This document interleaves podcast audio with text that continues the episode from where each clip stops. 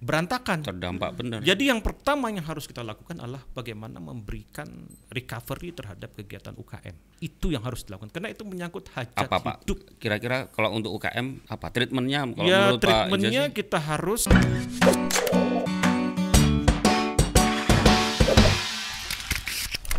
kita harus memberikan peningkatan aksesibilitas. Karena UKM itu yang paling penting itu yang kalau dia ingin dikembangkan ingin dimajukan itu kan ada tiga aksesibilitas yang harus kita kita intervensi. Pertama bagaimana dia mempermudah eh, akses untuk eh, meningkatkan produksi. Pasar terutama mungkin. Urutannya itu pasar dulu. Pasar produksi bisa paralel ya itu harus dilakukan supaya dia bisa eh, going concern dalam bisnis UKM-nya Kemudian yang juga penting penopangnya adalah kebutuhan modal. Jadi bukan modal yang pertama sebenarnya. Mm-mm. Pasar. Ya pasar dulu, Pasar, ya. produksi, mungkin intervensi teknologi, bantuan peralatan dan sebagainya agar kapasitas produksinya itu bisa memenuhi tuntutan pasar. Kalau pasar kan mungkin bisa stabil karena kebutuhan orang untuk UKM kan rata-rata kan apakah UKM makanan, UKM bahan bangunan, UKM konveksi, pakaian dan sebagainya, sandang itu sebenarnya kan kebutuhannya relatif Iya iya. dan iya. tumbuh Betul. sesuai dengan pertumbuhan penduduk dan sebagainya itu tinggal bagaimana mekanisme pasar. Nah, dalam kaitan itu tentu saja kita memberikan dukungan yang ya, penuh ya agar mereka bisa cepat recovery-nya. Berarti kalau Bapak nanti terpilih yang langkah pertama untuk perekonomian Batam ini sendiri Pak? Ya, itu Apa dia. yang Maksudnya di bidang apa? Maksudnya apa? Sektornya. Ah, Ah. sektornya. Kalau Apa yang mau UKM dibenerin? kan kalau kalau ya tadi yang pertama UKM, Oke. tapi sektornya tetap ya industri lah. Berarti kalau ada pertanyaan eh, pembangunan ekonomi Batam ke depan itu lebih ke mana? Apakah industri, pariwisata, ada pedagang jasa, Iya. pelabuhan atau apa kan? Iya. Dan sebelum-sebelumnya kan sempat ramai industri pariwisata. Industri Pariwisata. pariwisata. Jadi industri pak ya. Iya, industri. Industri itu karena memang strukturnya dalam. Beda dengan sektor perdagangan pariwisata. Kalau sektor pariwisata, perdagangan itu sektornya kan dia memang lebar tapi tidak dalam. Pengertian struktur yang dalam itu begini. Struktur yang dalam itu karena faktor-faktor penunjangnya itu banyak. Mm-mm. Ada rantai, rantai pasok. Rantai pasoknya itu dalam. Mm-mm. Dia butuh persiapan eh, lahan, Mm-mm, betul. tapak ya, butuh pabrik butuh mesin peralatan butuh bahan baku yang terorganisir dengan baik butuh tenaga kerja butuh skill. Nah itu yang dikatakan strukturnya dalam. Dan dia punya punya daya do- daya dorong daya dukung terhadap apa namanya value chain ya. Eh, peningkatan rantai nilai yang lebih Mm-mm. dalam rangka menunjang eh, kegiatan ekonomi. Tapi kalau sektor perdagangan, sektor pariwisata, Pariwisata. itu dia bisa cepat. Mm-mm. Yang penting dia iklimnya kondusif, Mm-mm. ekonomi stabil, itu cepat. Misalnya pada saat kita pulih saja, ya pandemik selesai, Selesai. ya Bisa tinggal langsung. tunggu aja. Itu ferry-ferry Singapura Batam pasti pasti kembali normal. Hotel-hotel pasti penuh kembali. Hmm, hmm, hmm, hmm.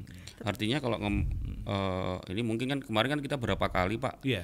Di sesi podcast kita itu kan kita sering ngobrolin dengan industri pariwisata. Mm-mm. Iya, Dan jasa pariwisata. ah, jasa pariwisata. Ba- Iya. belak- Belakangan banyak yang pengen ngobrol di podcast ngomongin pariwisata. Iya, iya. Terus kemarin pelaku industri pariwisata kan sempat ngadep ke Pak Wali dan Iya.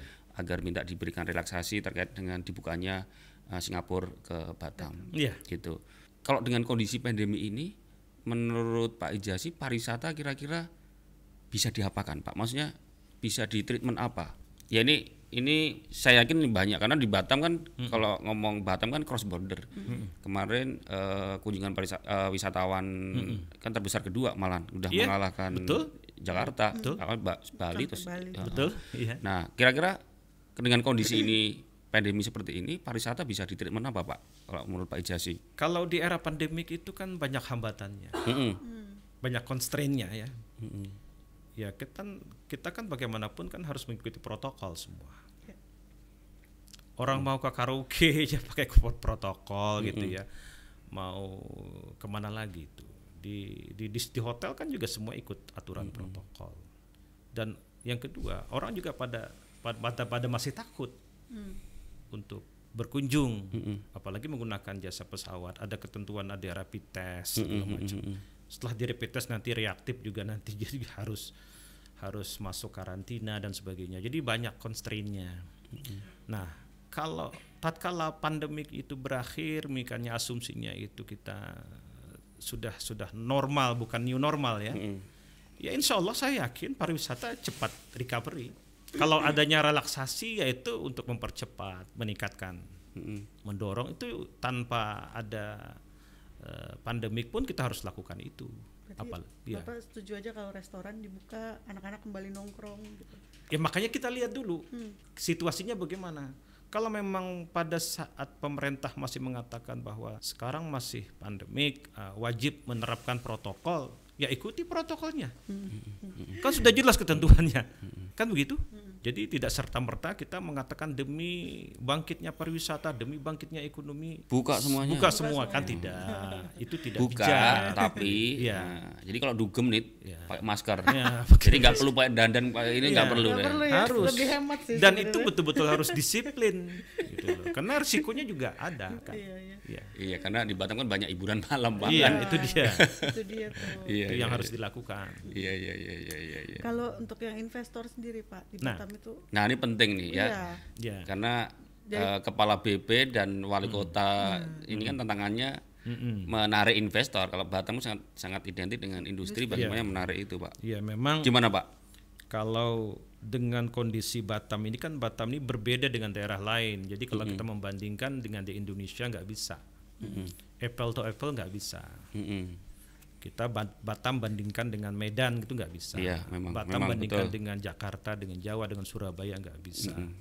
Karena daerah-daerah tersebut punya karakteristik mereka punya sumber daya alam. Mm-mm. Industri yang dikembangkan pun industri yang berbasis sumber daya alam. Betul. Di samping juga ada industri-industri yang foodless yang eh, relokasi.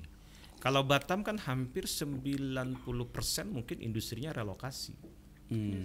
Artinya Tahu nggak nih relokasi nih? itu makanan apa? tuh? ya, makanan relokasi. apa? Taunya makanan. eh. ya kan? Apa, Pak? Industri relokasi itu maksudnya industri-industri yang ada di sini adalah industri yang sudah ada di negara asalnya. Dipindah ke Dia sini. ingin Pindah. ingin tempat pengolahan di sini. Ada yang pengolahan komponen, ada yang perakitan dan sebagainya. Namanya relokasi untuk mendekatkan kepada pasar, untuk mendekatkan kepada ini. Kemudian juga untuk mempertimbangkan bahwa kawasan ini atraktif, murah kalau dia memproduksi. Itu aja. Tapi kalau Nggak, dibilang- untuk menarik, untuk menarik Iya. itu gimmicknya apa, Ya makanya untuk menarik itu Batam harus dibikin murah, low cost. gimana murah Pak? Sedangkan UMK kita aja di Batam Iya, tinggi juga. termasuk tinggi Iya, di Indonesia. jadi mengukurnya itu kan bukan bukan UMK. nah, Oh. ANSI. Iya. Ah, Oke. Banyak faktor-faktor yang menentukan eh, cost itu kan bukan hanya UMK. Sewa lahan. Kalau UMK-nya itu bagus, rakyat kita kan tambah sejahtera, tapi kita harus bisa menekan cost yang lain. Hmm. Nah, masalahnya ini Ya, meskipun UMK-nya kita tinggi, satu bulan eh, nggak cukup, Nggak Pak. cukup, Pak. Ya itu dia makanya kos yang lain harus kita stabilisasi. Itulah peranan banyak banyak pihak. Jadi nggak bisa diurus sendiri loh Batam ini. Jadi apa, Pak? Kira-kira apa aja? eh, Contoh. yang murah. ah. Maksudnya apa Contoh. yang mau dibikin murah? gitu? Ya, yang harus dibikin murah itu yang pertama adalah yang terkait dengan berdirinya sebuah industri.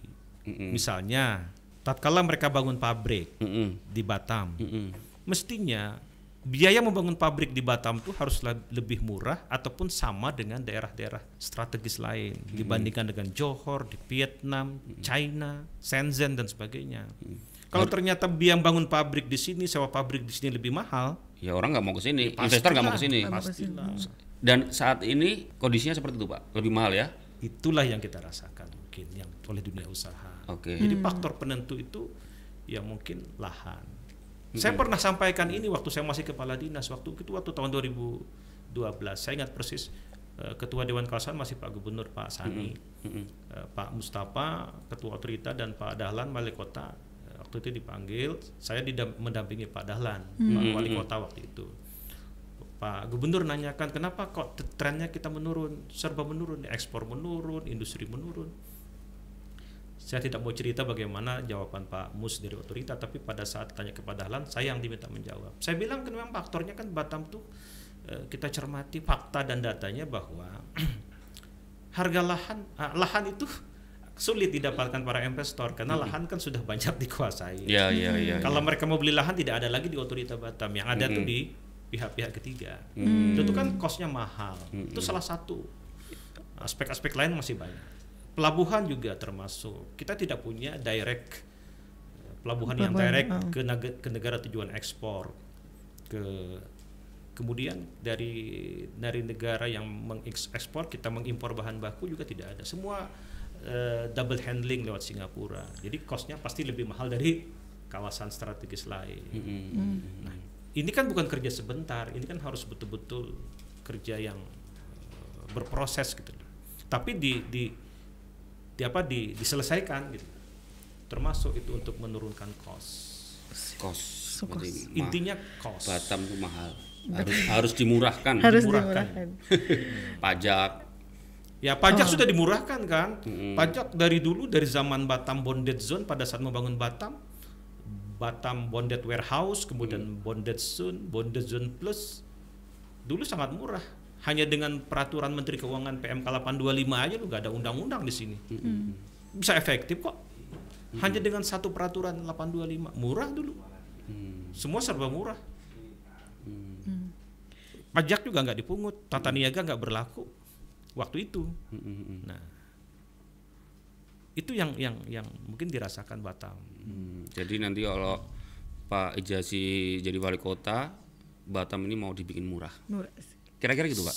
Harus dilakukan itu. Masalah bisa tidaknya itu kan upaya dan itu tidak bisa dikerjakan oleh wali kota sendiri. Kuliner bisa nggak Pak dibikin murah? Anita enak ya. Sembako, sembako gitu Pak. Tidak bisa di- itu Sembako yang penting ya buat mak-mak. untuk diketahui kegiatan apa it- itu tidak bisa dilakukan oleh wali kota sendiri, oleh Pemko sendiri.